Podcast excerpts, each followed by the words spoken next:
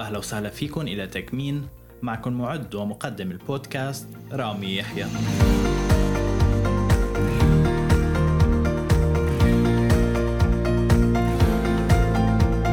يعتبر واحدا من أكثر المنظمات العربية نشاطا من بين جميع المنظمات العربية العاملة في مختلف المجالات.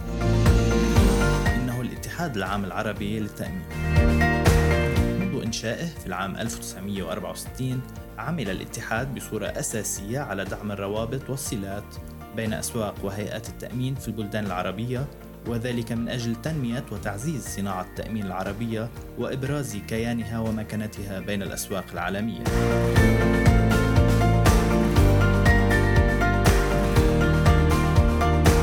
بالحلقة الأولى من تكمين بيسرني وبشرفني أنه أستضيف الأمين العام للاتحاد العام العربي للتأمين الأستاذ شكيب أبو زيد. والأستاذ شكيب صاحب خبرة وتجربة عريقة في مجال التأمين تمتد لأكثر من 30 عاما في خدمة هذا القطاع.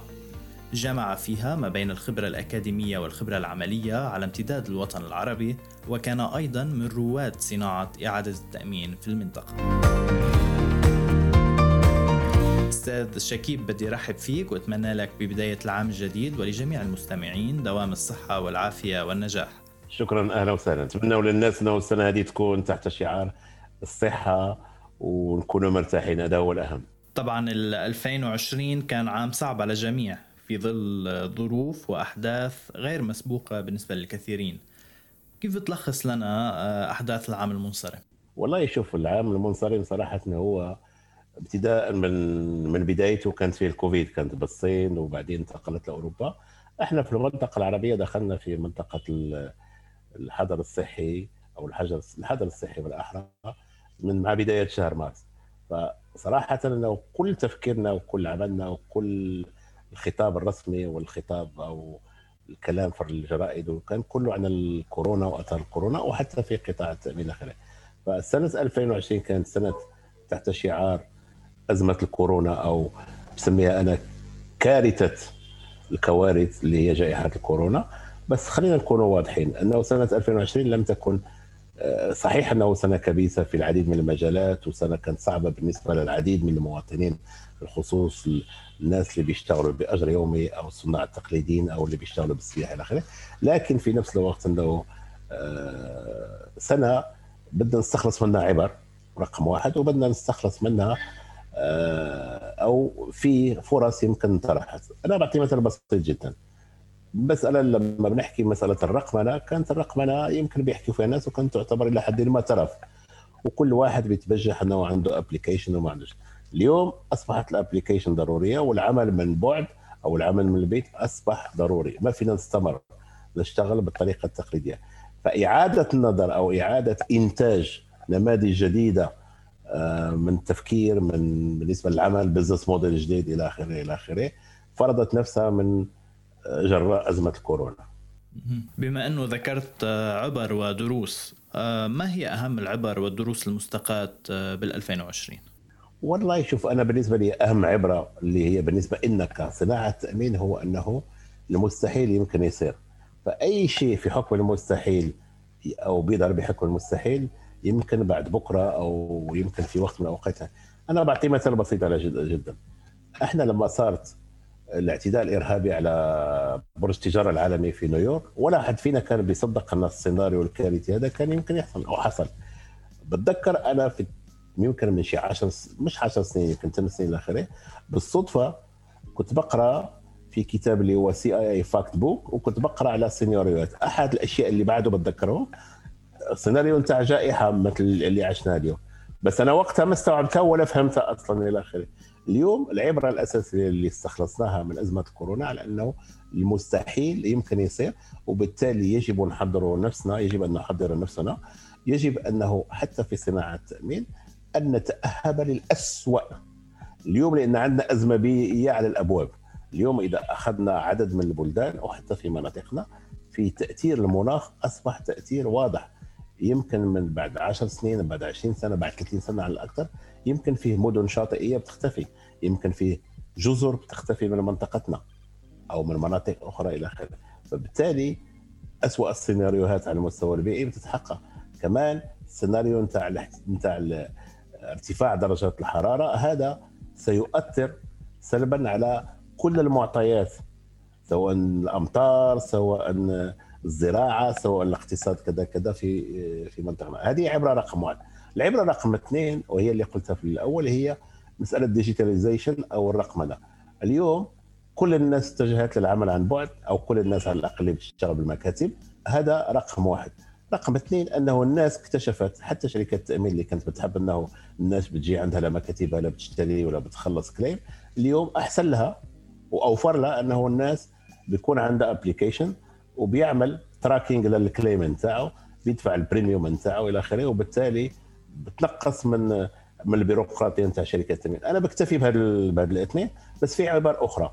أحد العبر اللي بالنسبة لي يجب ناخذها بعين الاعتبار هي أن المنظومة الصحية في المنطقة العربية وفي العالم ككل أثبتت على أنها غير قادرة على مواجهة وباء كبير أو جائحة مثل جائحة الكورونا. وفي المنطقة العربية لما بنحكي ببلد بحجم المغرب وبيقول لك باللي الطاقة الاستيعابية في آه، في المستشفيات آه، بالنسبة لل intensive care لا تتعدى 1500 سرير في بلد فيه 34 مليون ساكن. هذه مشكلة كبيرة جدا. اكتشفناها الآن. اكتشفنا على أن مستشفياتنا العامة بالخصوص في أغلبية البلدان وباستثناء دول الخليج مستواها رديء. اكتشفنا على أنه عدد كبير من المواطنين ليس عندهم تأمين طبي. وبالتالي كانت الدولة هي أو مستشفيات الدولة هي خط المواجهة الأول في محاربة الكورونا. فاليوم فيه واجب على قطاع التأمين أنه بالمشاركة مع القطاع العام أنه يحاول تكون في تغطية شاملة لجميع المواطنين. اليوم أي بلد عربي والتجربة السعودية نموذجية في الموضوع هذا لأن ال CCHI الشغل اللي اشتغله وكونه أنه فرض تأمين صحي على الوافدين وحتى على المواطنين خلى الناس انهم مغطين المفروض انه تعميم هذه التجربة على البلدان الأخرى حتى مع ضعف الإمكانيات لأنه الصحه حق من حقوق المواطنة. أه، أستاذ شكيب أنت اليوم أه، الأمين العام للاتحاد العام العربي للتأمين وهي هيئة عربية دولية تعمل أن تكون المؤسسة الرئيسية الداعمة لصناعة التأمين العربية. هل ممكن تعطينا فكرة عن الاتحاد وآلية عمله؟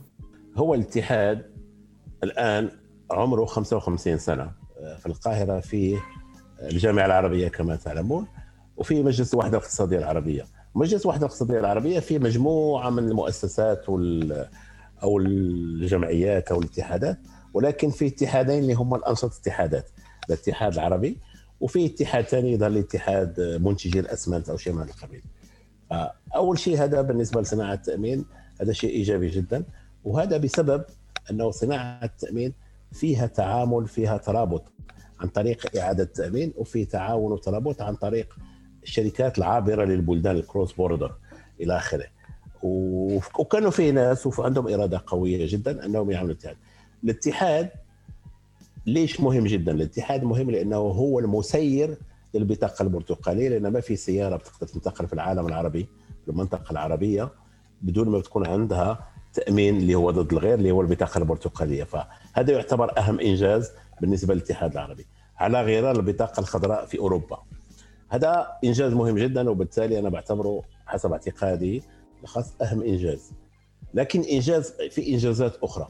في مشاريع عربية مشتركة يمكن رأت النور وكان للاتحاد العام العربي دور مهم جدا فيها. أخص بالذكر فيها مثلا أنه والله تأسيس بعض الشركات العربية مثلا الإعادة العربية أو حتى في الأوريث اللي هو صندوق أخطار الحرب إلى آخره. دائما كان الاتحاد العربي دائما يدعو إلى إلى تكوين صناديق إلى التعاون عن طريق البولز آه، تجمعات إلى آخره. وكمان كان الاتحاد بيحث على التعاون.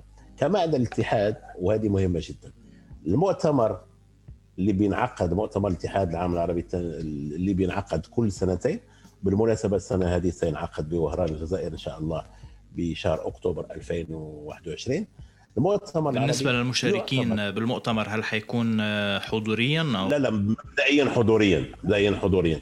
هذا شو أهمية المؤتمر هذا؟ هذا إذا بتذكروا المؤتمرات بتاع ال 20 سنة السابقة كان معدل الحضور فيهم ما بين 1500 ل 1800 شخص. وفي مؤتمرات مثل المؤتمر اللي كان بشرم الشيخ بال 2014 كان في 2200 شخص.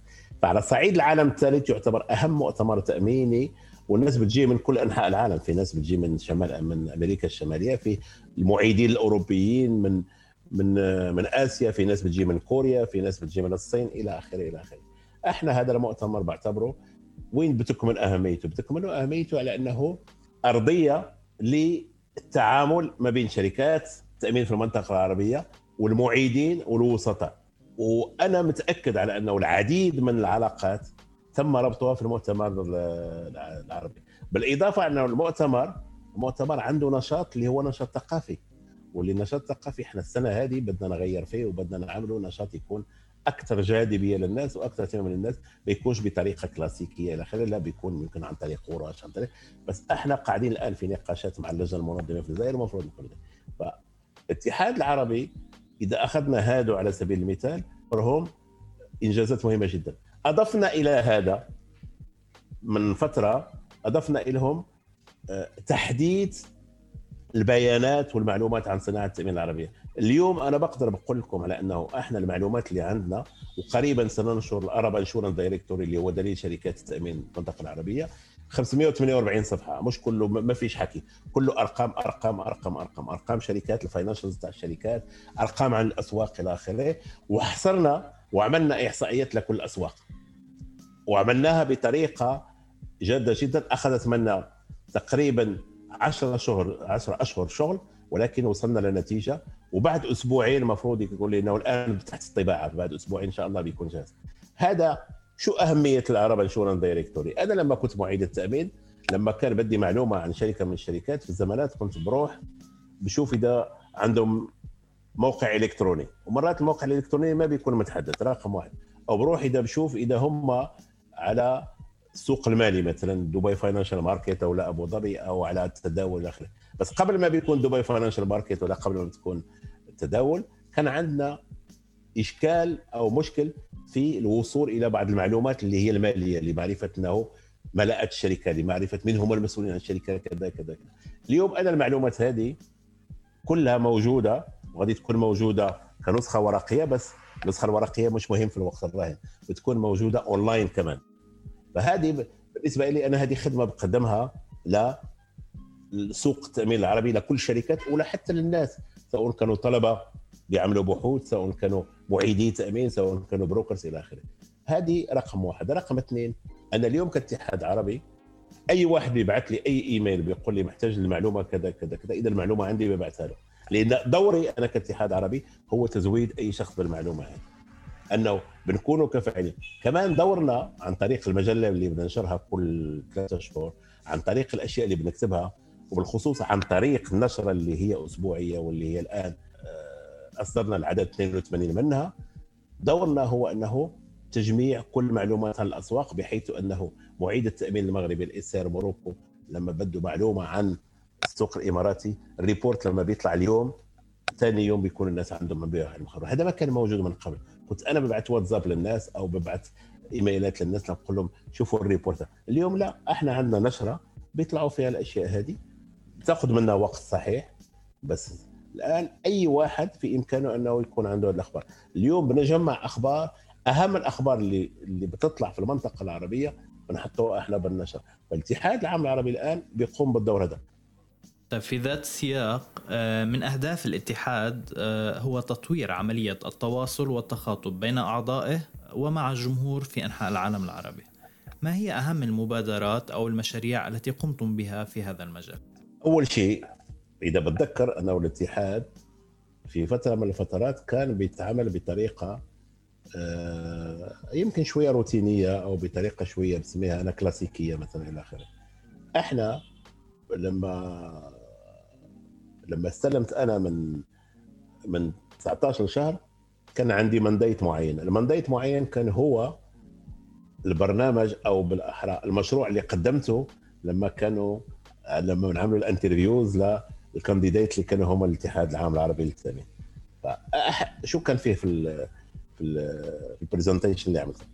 أول شيء كانت أشياء اللي بسميها أنا مثل pillars آه، اللي هم آه، دعائم أو اللي هم الأساسيات. أول شيء الحوكمة. الشخص أو الشركة اللي بتدفع للاتحاد لها كامل الحق في أن تعرف وين الفلوس هذه بتروح وكيف بتستعمل إلى آخره. فإحنا in terms of corporate governance بس اليوم الحمد لله عندنا executive committee نشيط جدا وفي ناس مميزين وعندنا كمان internal audit غير ال external audit ف من قبل ما كان بس من سنتين في ال internal audit على مستوى ال corporate governance اليوم إحنا بنحاول إنه بنشتغل كل شيء على المكشوف بمعنى كل الأشياء اللي بنقدمها أو بنعملها إلى آخره آه بنعمل لها إعلان بنعمل لها advertising we are advertising our actions we are advertising معناتها our initiatives إلى آخره. إحنا قمنا أول شيء بالحي... حافظنا على الشعار الأساسي بتاع الاتحاد العام العربي اللي هو الدائرة منها خارطه العالم العربي. لكن غيرنا اللون غيرنا الشكل بتاعه الاخير بشكل يصبح جذاب وبيرمز للمستقبل. لأن أخذنا اللون الأزرق لأن اللون الأزرق دائما واللي بيشتغلوا بال marketing بيعرفوا القصة دي دائما لون البحر لون السماء الصافية إلى آخره إلى آخره. فبالتالي أخذناه من الأسود إلى الأصفر إلى آخره. وحتى على مستوى مراسلاتنا مع الأعضاء إلى آخره مراسلتنا أصبحت متكررة ولكن أصبحت بأسلوب مختلف. بأسلوب يخاطب الناس بطريقة بسيطة جدا بطريقة straight to the point رقم اثنين إحنا في التواصل مع الناس أول شيء مثل ما قلت ابتدينا من أول أسبوع بشهر 7 2019 بإصدار النشره وتوقفنا فقط بالصيف اللي فات بال 2020 أسبوعين لأن فترة عطلة وتوقفنا في آخر السنة والأسبوع الأول من 2021 وبالتالي وصلنا ل 82 عدد. وفي نفس الوقت في نفس الوقت إحنا ولنا عندنا حضور على ال social media وبعده إحنا مش مرتاحين كثير لحضورنا في ال social media بدنا يكون أكثر اليوم أنا النشره متأكد أنني أنا مبعثها ل 5900 شخص. أنا لسه البارح طلبت الرقم الاخوان أو الأخوات اللي بيشتغلوا معي في الامان العامه قالوا لي باللي انه إحنا النشره بتوصل ل 5900 شخص إحنا متأكدين معهم. اليوم عندنا مثل ما قلت عندنا الدليل في تقريبا كل عناوين تاع الناس اللي آه، بيهمونا في المنطقة العربية. لكن عندنا كل المهتمين بقطاع التأمين في المنطقة العربية من قريب ومن بعيد عندنا عناوينهم وبالتالي بنبعث لهم النشرة. طبيعة الحال النشرة مش كل الناس بتقراها ومش كل الناس عندها وقت. ولكن أي شخص بيحتاج النشره أو بيحتاج معلومات فيه يدخل. ثاني شيء إحنا عندنا موقع إلكتروني كان عتيق جدا لأنه كان معمول بتقنية من 20 سنة. إحنا في خلال أسبوعين سندشن الموقع الإلكتروني الجديد. فبالتالي آه، الموضوع هذا حسيم وإحنا في آخر الاجتماعات الأخيرة المفروض بس غيرنا. حتى ال domain name بتاع الاتحاد كان GAIF dash 1 dot org غيرناه خليناه GAIF dot org ليش؟ لسهولة التعامل مع الناس. التخاطب مع الناس على مستوى الميديا. التخاطب مثلا عن طريق ال webinars. إحنا نظمنا خلال السنة اللي فاتت من أزمة الكوفيد للآن نظمنا أربعة webinars. واحد باللغة الفرنسية لشمال إفريقيا عن الأسواق شمال إفريقيا ونظمنا ثلاثة. واحد على لبنان بعد الانفجار واحد عن إعادة التامين والآخر عن الوسطاء إلى آخره. وعندنا في إذا ما خانتني الذاكرة أنه إحنا في السنة هذه عندنا ما بين أربعة إلى ستة ويبينار اوريدي عندنا المواضيع نتاعهم في ويبينار قادم مفترض بيكون يوم 11 إذا ما خانتني الذاكرة من شهر اثنين عن الوضع التأميني العام في المنطقة العربية. مع المشاكل الجيوسياسية وأفاق التطور لأنني أنا متفائل بتطور التامين في المنطقة العربية. طبعا نتمنى لك كل التوفيق بالمشاريع اللي ذكرتها والمشاريع المستقبلية أيضا وإلى مزيد من النجاح إن شاء الله. سوف أنتقل إلى الموضوع التالي وهو موضوع التحول الرقمي. اليوم كل خبراء التأمين يتحدثون عن موضوع التحول الرقمي والإنشورتك كيف ترى عملية التحول الرقمي بشكل عام وما هو تقييم الاتحاد لوتيرة التحول الرقمي في شركات التأمين في المنطقة؟ الأساسي ومهم جدا ليش؟ اليوم إحنا كاتحاد عربي مفروض إنه نكون ماشيين في نفس المستوى من شركاتنا أو نكونوا سابقينهم إلى حد ما إذا بتذكروا من سنتين تقريبا في شركات آه، مثلا في الإمارات من سنتين ثلاث سنين دخلوا بقوة وتع... في موضوع digitalization وفي تأسست في البحرين وفي DIFC بدبي تأسست نوع من ال incubator لشركات ال InsurTech واللي لأن في أشياء أنا بعطي مثال بسيط جدا. إذا أخذنا ال medical fraud وأخذنا ال motor fraud فيهم شغل إلى يوم الشغل من حيث أنه في لشركات ال InsurTech إلى آخره. فإحنا اللي اللي بنشتكي من ال fraud بالسيارات في طريقة أو في طرق وموجودين على على أرض الواقع موجودين وفي شركات بتشتغل عليهم اليوم لما بنحكي عن ال big data ال big data الآن بقى تمكنا من أنه نشتغل بطريقة أنه نعمل anti fraud system على مستوى بلد. المغاربة في الجامعة المغربية لشركة التامين already بيشتغلوا مع شركة فرنسية على الموضوع هذا إلى آخره. في إمكانية أنه في كل بلد في كل بلدنا ويكون في مشروع من النوع إذا اشتغلنا على ال medical مثلا ال medical أنتم بتعرفوا ال fraud في ال medical. هذا آه، ال fraud في ال medical إذا فاتت ل 5 6% بتصبح كارثية لأن ال margin في ال medical صغير إلى آخره فإحنا لو اشتغلنا على ال fraud بس في ال medical أو في الموتور قد نكونوا اشتغلنا على اثنين من أهم المشاكل اللي مواجهين في منطقتنا. بالإضافة للمسألة الأخرى اللي هي عملية البيع. اليوم عملية البيع. التأمين إذا أخذنا المواطن اللي بيعيش اليوم مثلا بدبي. بدبي بالتليفون نتاعو بيدفع ال parking نتاعو بالتليفون نتاعو بياخذ المواعيد نتاعو من أي جهة. بالتليفون نتاعو إذا صار مع حادث بيجي ال report ال police report إلى آخره. بالتليفون نتاعو بيدفع الكهرباء بيدفع المي بيتعامل مع البنك. ليش ما بيتعامل مع شركة التامين في الموضوع هذا؟ وين الإشكال؟ الإشكال أنه الآن ال application اللي عند كل واحد فينا في تليفوننا فيه بتعطيك مجموعة من التسهيلات في الحياة نتاعنا بطائق بطاقة سفر تأمين السفر كذا كذا كذا. بس كل ما بجينا بنتعامل مع شركة التأمين بتواجهنا مشكلة في البيع لأنه والله محتاجين أنه يكون عندنا الرخصه نتاع السيارة نشوفها رخصة السياقة بنشوفها كمان وتكون عندنا كوبي اللي مأكدين منها كذا كذا كذا إلى آخره. بس اليوم بالربط الإلكتروني اللي موجود وبعطي مثال تاع الربط الإلكتروني اللي موجود في الإمارات أو موجود في مصر أي شخص بده يغير أو بده إنه كيف بيقولوا إنه التسجيل يسجل سيارته المفروض يجيب تأمين. بس مش ضروري إنه يروح للمرور ومعاه التأمين لأنه already أي شركة بتأمنه والقصة موجودة من ست سنين سبع سنين مش جديدة مثلا في الإمارات بيجي تعمل uploading على ال system لكل وثيقة وبالتالي المرور عنده نموذج من الوثيقة. ولما بتطلع الرخصة نتاع السيارة بيكون فيها أنه الشخص هذا مأمن لدى الشركة الفلانية كذا كذا كذا. هذه أشياء بتسهل حياة المواطن. بس اللي بدنا نسهله أكثر هي عملية البيع من جهه وعملية الكليمز لأنه نقطة أو العقدة الأساسية ما بين المواطن العادي ما بين العميل شركة التامين وشركة التامين هي الكليم. لما بيصير كليم العميل أصلا ما بيكون فاهم كثير الاستثناءات في الوثيقة نتاعو لأنه ولا أحد شرحها له وثاني شيء وبالتالي بيكون عنده مطالبات مرات غير معقولة ولكن في نفس الوقت شركة التامين دائما كنا بنعاني في الزمانات من نوع من المماطلة. من التسعينات ابتدى عندنا ال hot line وبعدين ابتدت الشركات تهتم إنها بتدفع ال claims بسهولة جدا. لكن لما بنعمله كله اونلاين لما بنعمله أنا كله اونلاين من from A to Z المواطن خلص بيعمل tracking لل claim نتاعه وبيعرف باللي ال claim نتاعه already مقبول يوم الأحد يوم الاثنين أو يوم الثلاثاء بيروح آه، للدائرة المالية والشيك نتاعه أو التحويل نتاعه حتى ما ضروري يكون في شيك التحويل بيوصل له قبل نهاية الأسبوع. لما المواطن بيحصل على ال claim نتاعه within 3 days to 5 days غادي غادي تتحسن العلاقة مع شركة التامين لأن شركة التامين شو ما عملنا advertising شو ما عملنا إعلانات و و و إلى آخره أهم advertising لكل شركة تأمين ولا شركة التامين هو دفع المطالبات هو ال claim لأن لما بتدفع مطالبة في الوقت وتدفع على السريع في المجالس في الاجتماعات العائلية تقول والله أنا الشركة الفلانية دفعت لي بأسبوع أو بأسبوعين. أما لما بتقول شركة دفعت له بعد ثلاث سنين خلاص في مشكلة.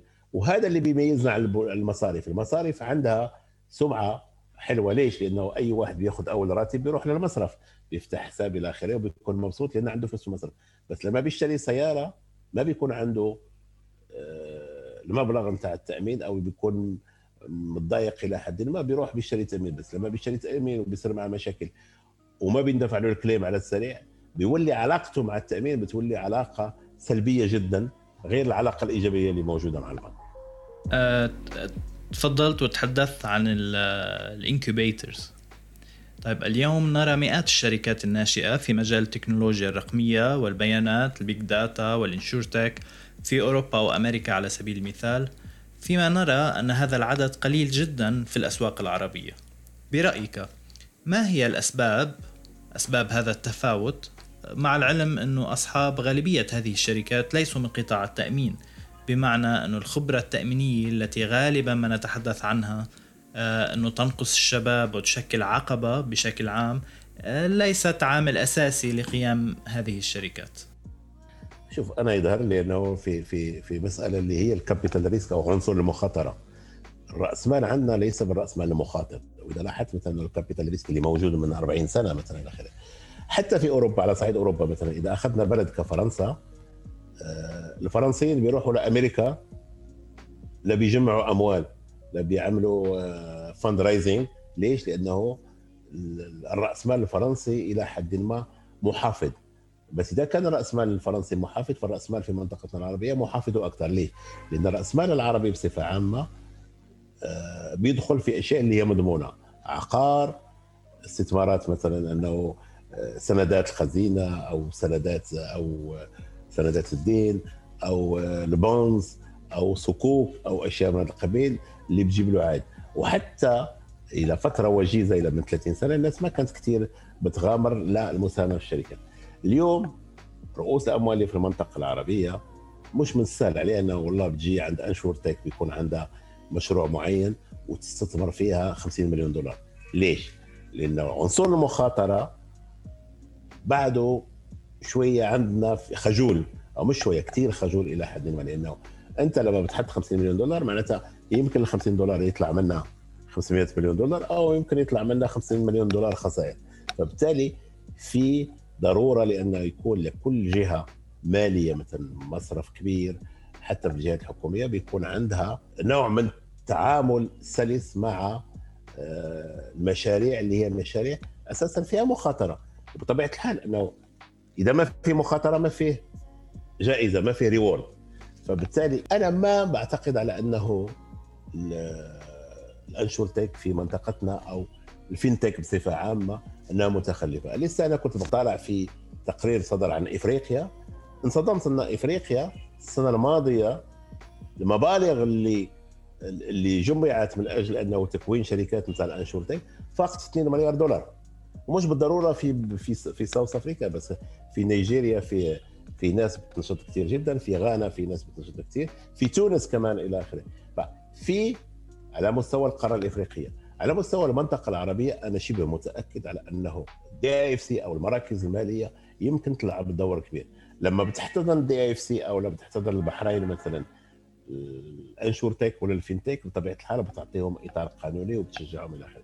بس مفروض إنه من جهة أو الجهات الحكوميه رقم واحد تشجع أو تضمن على الاقل بتعطي نوع من الضمانات إلى آخره. ومن جهة ثانية أنه أصحاب رؤوس الأموال والمؤسسات البنكية أو المؤسسات المالية كمان تدخل هذا الإطار. لأن في المنطقة العربية عندنا في شباب قادرين بيعملوا أشياء خارقة للعادة. أنا شفت بعيني ناس بيعملوا أشياء. اليوم باخذ مصر على سبيل المثال اليوم الناس اللي بيشتغلوا في مصر بالالاف اللي هم IT engineers وأشياء. شو اللي الناس شو محتاجين؟ محتاجين لحاضنه ل incubator ومحتاجين لمشاريع ومحتاجين لتمويل ومحتاجين لاداره والإدارة المفروض إنها مش الإدارة. اداره مش إدارة بتاع الناس بتاع الجيل بتاعي أنا. اليوم إذا بدك تعمل مشروع اللي هو incubator و FinTech أو InsurTech إلى آخره بدك ناس يكونوا عمرهم 25 سنة اللي لسه متخرجين لسه fresh إلى آخره وعندهم أفكار اللي هي أفكار العصر الحالي مش أفكار القرن الماضي. الآن كونهم يستعينوا ب actuaries كونهم يستعينوا ب ب insurance specialist هذا واضح بس موجودين هذول في السوق على كل حال اللي مش موجود هو تجميع هذه الخبرات أعطيها أموال وبيعطيها management إلى آخره. والرأس المال المخاطر أهم شيء هو رأس المال المخاطر. بالعودة إلى مبادرة الاتحاد لتوفير الأرقام والبيانات المالية. ما هي أكبر أسواق المنطقة من حيث حجم الأقساط التأمينية؟ آه، رامي قبل ما أجاوبك على السؤال تذكرت حاجة. أنا في ناس اتصلوا بي وطلبوا مني أنه الاتحاد إحنا نشتغل أو نعمل نوع من ال incubator أنا عندي هذه الفكرة بس نحكي معك بكل أمانة. عندي الفكرة هذه. يمكن أنا عندي تخوف ليش؟ لأن لما بندخل الموضوع هذا بدنا ندخله وإحنا عندنا أسس صلبة. فأنا بتمنى أنه مستقبلا يكون أحد المشاريع لسه ما هو مشروع بس بتمنى أنه الاتحاد يكون فيه نوع من آه، يكون هاب أو يكون بيقدر يكون هو نفسه الاتحاد أو بيخلق انكوبيتور مع ناس معينين وناس اللي قادرين يمولوا أنا ما عندي مانع إنه لو في ناس آه، بيدخلوا المشاريع هذه أو مستعدين يدعموا المشاريع هذه بكل فرح. بس أكيد إنه مثل ما قلت إنه الرأس مال المخاطر. جوابا على سؤالك بالنسبة للأقساط في المنطقة العربية في آخر إحصائيات التامين في 31 12 2019 أو بالأحرى آه لل 2019 واللي هي لحد الآن افيلبل لأن 2020 لسه ما طلعت كإحصائيات. آه، أرقام التأمين في المنطقة العربية بالضبط أنا بقدر بقول لك كم. 38 آه، مليار و980 مليون دولار. أهم الأسواق بطبيعة الحال معروفة. آه، رقم واحد بيكون السوق الإماراتي. السوق الإماراتي ب 11 مليار و986 مليون دولار. السوق السعودي ب 10 مليار و104 مليون دولار. بعدين بيجي السوق المغربي ب 4 مليار و650 مليون دولار. بعد ذلك في السوق القطري للأسف أنه كانت أرقامه عالية جدا. لحدود 2018 بس ما بعرف شو اللي صار على انه الأرقام هذه نزلت. نزلت من 3 مليار دولار ل مليار و400 مليون دولار لأنه الإحصائيات اللي كانت تاع Swiss Re كانت تتكلم عن 3 مليار دولار في 2018 اكتشفنا في 2019 إنه total GWP أرقام تاع السوق القطري ما هو إلا مليار و400 مليون دولار. للأسف الشديد للأسف الشديد في أسواق تعاني من الوضع الجيوسياسي وأذكر منها سوريا العراق اليمن وليبيا والسودان وفي أسواق تعاني من هبوط العملة. تونس تعويم العملة اللي صار في مصر إلى آخره. مثلا تونس الأقساط بالدولار آه، لا تتجاوز آه، هي 824 مليون دولار. بس أنا بتذكر من 25 سنة كانت الاقساط بالدولار بتاع تونس أكثر من 800 مليون دولار. شو السبب؟ السبب هو أنه اليوم سعر صرف الدينار التونسي بالمقارنة مع الدولار ثلث بالمقارنة مع ما كان عليه من من 30 سنة. فبالتالي في أسواق تطورت بالعملة المحلية. واذكر منها سبيل وعلى سبيل المثال السوق المصري. السوق المصري اليوم بيمثل 2 مليار دولار و25 مليون دولار. بس لو أخذنا سعر الصرف اللي كان موجود قبل التعويم أي قبل ثلاث سنوات إحنا بنحكي على 4 مليار دولار. فشو اللي صار؟ أسواق التأمين في المنطقة العربية تطورت وتطورت كثير لكن المشاكل الجيوسياسية من جهة والمشكل تعويم العملة في مصر وسعر الصرف في العديد من البلدان بيأثر سلبا على رقم الأقساط بالدولار. هذا عامل. في عامل كمان لازم نأخذه بعين الاعتبار. في السنوات الأخيرة كان في نوع من الركود الاقتصادي في منطقة الخليج وفي الدول البترولية. الجزائر مثلا على سبيل المثال وطبيعه الحال السعودية والإمارات وعمان إلى آخره. ليش؟ لأنه فتره من الفترات كان سعر البترول برميل البترول يفوق 100 دولار أو 120 مليون دولار أو 120 دولار لكن اليوم سعر البترول أقل من 60 دولار يمكن حتى بالخمسينات إلى آخره ما عندي سعر بالضبط وهذا بيأثر بطريقة مباشرة على ميزانية الدول لأنه تاريخيا التأمين في المنطقة العربية مرتبط بشو؟ مرتبط أساسا بالإنفاق الحكومي. دول الخليج والاستثمار في البنية التحتية هم اللي أعطوا شركات كبيرة مثل التعاونية ولا بيت جولف وإلى آخره. وبعدين بيجي طلب الأفراد لأنه بالأساس الطلب على التأمين بيأتي من ثلاثة أسباب أساسية. رقم واحد الإنفاق الحكومي رقم اثنين المؤسسات أي شركات ورقم ثلاثة الأفراد. إحنا الأفراد عندنا بيشتروا تأمينات السيارات بكثرة باقي الفروع بيشتريوها معناتها بدرجة أقل. الشركات بتشتري تأمين تأمين صحي للعاملين فيها للشركات اللي عندها مستوى معين إلى آخره وبطبيعة الحال تأمينات الممتلكات الحريق إلى غير ذلك الهندسي آه، تأمينات النقل إلى آخره إلى آخره وبطبيعة الحال بيجي الاستثمار الحكومي. لما قطر من سبع سنين ثمان سنين ابتدت تنظم كأس العالم كون كونسورسيوم وبالتالي الأقساط نتاع التأمين في قطر ابتدت في الارتفاع. ليش؟ لأنه كانت في مشاريع عملاقة جدا للبنية التحتية. مشاريع الملاعب مشاريع المترو مشاريع القطارات إلى آخره. السعودية نفس الشيء. كانت الجامعات بتنبنى آه، جامعة الملك عبد الله جامعة الملك آه، جامعة الأميرة نور بالرياض إلى آخره. القطارات السريعه القطار ما بين ما بين جدة ومكة أو يمكن المدينة إلى آخره. هذه كل المشاريع الحال ترجمت أقساط استفادت منها شركة التامين للأسف الشديد في الفترة الأخيرة في تراجع ما عدا في السعودية اللي بعده بيضل المشروع نتاعنا اليوم مشروع كبير جدا وأنا بتأمل كثير من نوع من المشاريع هذا فتراجع مداخل الدول بالخصوص النفطية أثر سلبا على الإنفاق الحكومي وبطبيعة الحال على شركات التامين انطلاقا من هذه القراءة كيف تنظرون لصناعة التأمين في المنطقة آه، في السنوات العشر القادمة؟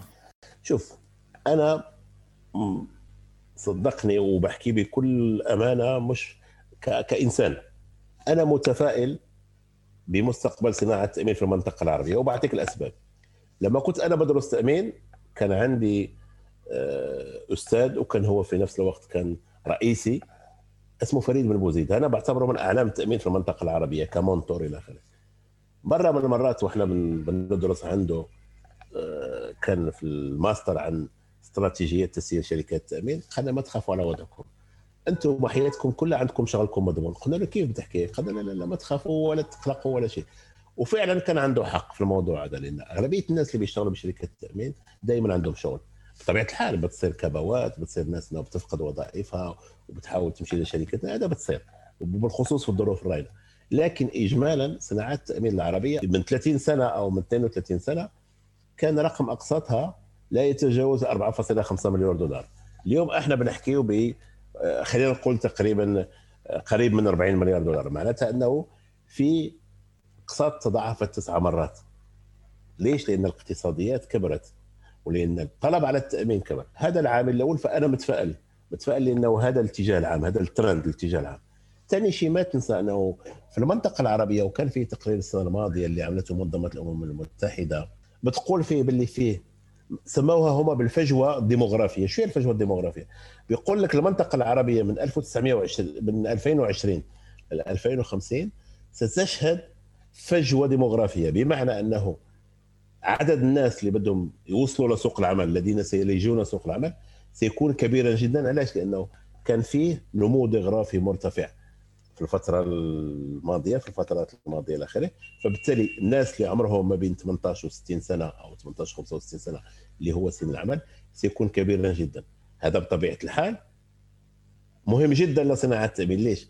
الناس هذه محتاجة لتأمينات صحية محتاجة لتأمينات سيارات لتأمينات ممتلكات محتاجة إلى قروض إلى آخره إلى آخره. بس نفس الوقت بيوضع مجموعة من الضغوطات على الحكومة ومجموعه من التحديات لأنه ضروري من الضروري إيجاد فرص عمل لهذه الناس إلى آخره. ليش؟ لأنه demographic curves أو الداله الديموغرافية في جميع البلدان بتكون طالعة طالعة بشكل تصاعدي. ونظرا لتمدرس ونظرا لأنه الناس بيزدادوا وعيهم بيبتدوا ينقصوا من عدد الأطفال. متوسط عدد الأطفال في العائلات اليوم اثنين ثلاثة. في الأرياف أكثر. بس إذا أخذنا مثلا بلد مثل المغرب بلد مثل تونس اليوم ال curve نتاعهم أو الدالة الديموغرافية نتاعهم قريبة من فرنسا أو قريبة من أوروبا بحيث أنه بس بتحقق نوع من آه، توازن ما بين الوفاء معناتها ما في زيادة كبيرة. على عكس ذلك مثلا السودان أو مصر أو شيء اخره أو العراق بعده في نوع من نسبة التوالد كبيرة جدا إلى آخره. بس هذا عنده غادي يجي وقت من الأوقات وبينقص. ليش؟ لأن الناس كلها تعلمت. في العديد من الناس راحت الجامعات وبالتالي أصبح القاعدة في العائلات هو أنه ولد أو اثنين وفي بعض الاستثناءات بيجيبوا ثلاثة أولاد إلى آخره. فالنافذة الديموغرافية أنا بعتبرها خزان مهم جدا. رقم ثلاثة إحنا كنا بنحكيو على الديجيتال وبنحكيو على الأشياء هذه اليوم سهولة التعامل مع شركة التامين سيوفرها ستوفرها الرقمنة. فبالتالي أنا بتصور الطلب على التأمين سيصبح سهلا وسيزداد. كمان عنصر الشباب لأن اليوم الشباب واصلين راحوا الجامعات تعلموا كذا كذا. فبالتالي طلباتهم ستزداد بحكم الأشياء دي. رقم ثلاثة الحكومات اليوم واعية بضرورة توسيع التأمينات الإجبارية. الحكومة المصرية أخذت قرارات وأعطت للهيئة إمكانيات سن قرارات من أجل فرض اجباريه بعض التأمينات وهذا شيء إيجابي جدا. أنا ماني ضد إجبارية التأمين. أنا بآمن باللي أي شيء يمكن تأمينه يجب تأمينه ودور الدولة أنه تحاول أنه بطريقة أو بأخرى أنه تأمنها. في عنصر آخر اللي هو تامينات الأفراد. تامينات الأفراد سواء حكينا على تامينات الصحيه أو تامينات الحياة. اليوم الناس عارفة باللي أنظمة التقاعد في بلداننا ما بتعطي كثير إلى آخره. رقم واحد في لأن علاش؟ لأن في زمانات كانوا الناس بتعيش وبتاخذ المعاش نتاعها أو التقاعد نتاعها ومبسوطة به إلى آخره. اليوم الناس اللي وصلوا مستوى معين ما يمكنش يقبلوا بخمس الراتب نتاعهم كراتب تقاعدي. فبالتالي يا بيستثمروا في العقار يا بيستثمروا في مشروع يا بطبيعة الحال بيكون عندهم تأمينات على الحياة. فتطور المجتمع دائما يصاحبه تطور التامينات على الحياة. كذلك السفر بكثرة كذلك أنه ازدياد نشاط تجاري ازدياد النشاط التجاري هذا أحببنا ام كرهنا سيترجم فعليا بزيادة اقتصاد فأنا ماني متشائم يكفي أن البترول بيطلع ل 80 90 100 دولار وبطبيعة الحال عجلة الإنفاق الحكومي أو عجلة الاستثمارات ستعود إلى ما كانت عليه من قبل. في المحور الأخير من حلقة اليوم ننتقل للحديث عن آه، شخصية شكيب أبو زيد الإنسان. آه، ما هي أبرز السمات التي ساهمت في الوصول إلى ما أنت عليه اليوم؟ والله الآن أنت بتسألني سؤال شوية صعب جدا لأنه ما بعرف كيف بجاوب عنه الأخير. والله شوف يا أخي الكريم أنا بقول لك أنا صراحة آه، عندي طموح. وطموحي هو كالتالي طموحي هو أنه في خلال حياتي أو في خلال مسيرتي بقدر بفيد بطريقة أو بأخرى بفيد المجتمع أو بقدر بفيد على الأقل القطاع اللي أنا بشتغل فيه. فأنا سواء اشتغلت بإعادة التامين أو في كل الوحدات اللي بشتغل بالنسبة لي الهاجس الأساسي بطبيعة الحال أنا كنت بشتغل لناس فبالتالي المفروض إنه نجيب لهم بزنس وكذا وكذا وكذا. بس كان عندي هاجس ثاني وهو اللي يمكن يحركني الان أكثر هو الصالح العام.